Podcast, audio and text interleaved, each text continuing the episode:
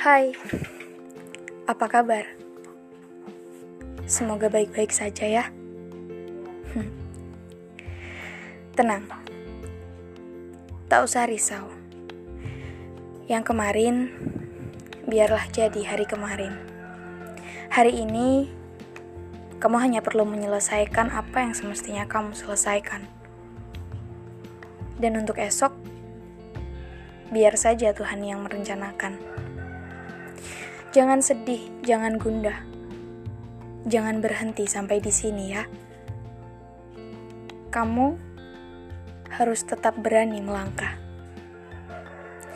Hidup ini terlalu singkat untuk dibegitukan saja.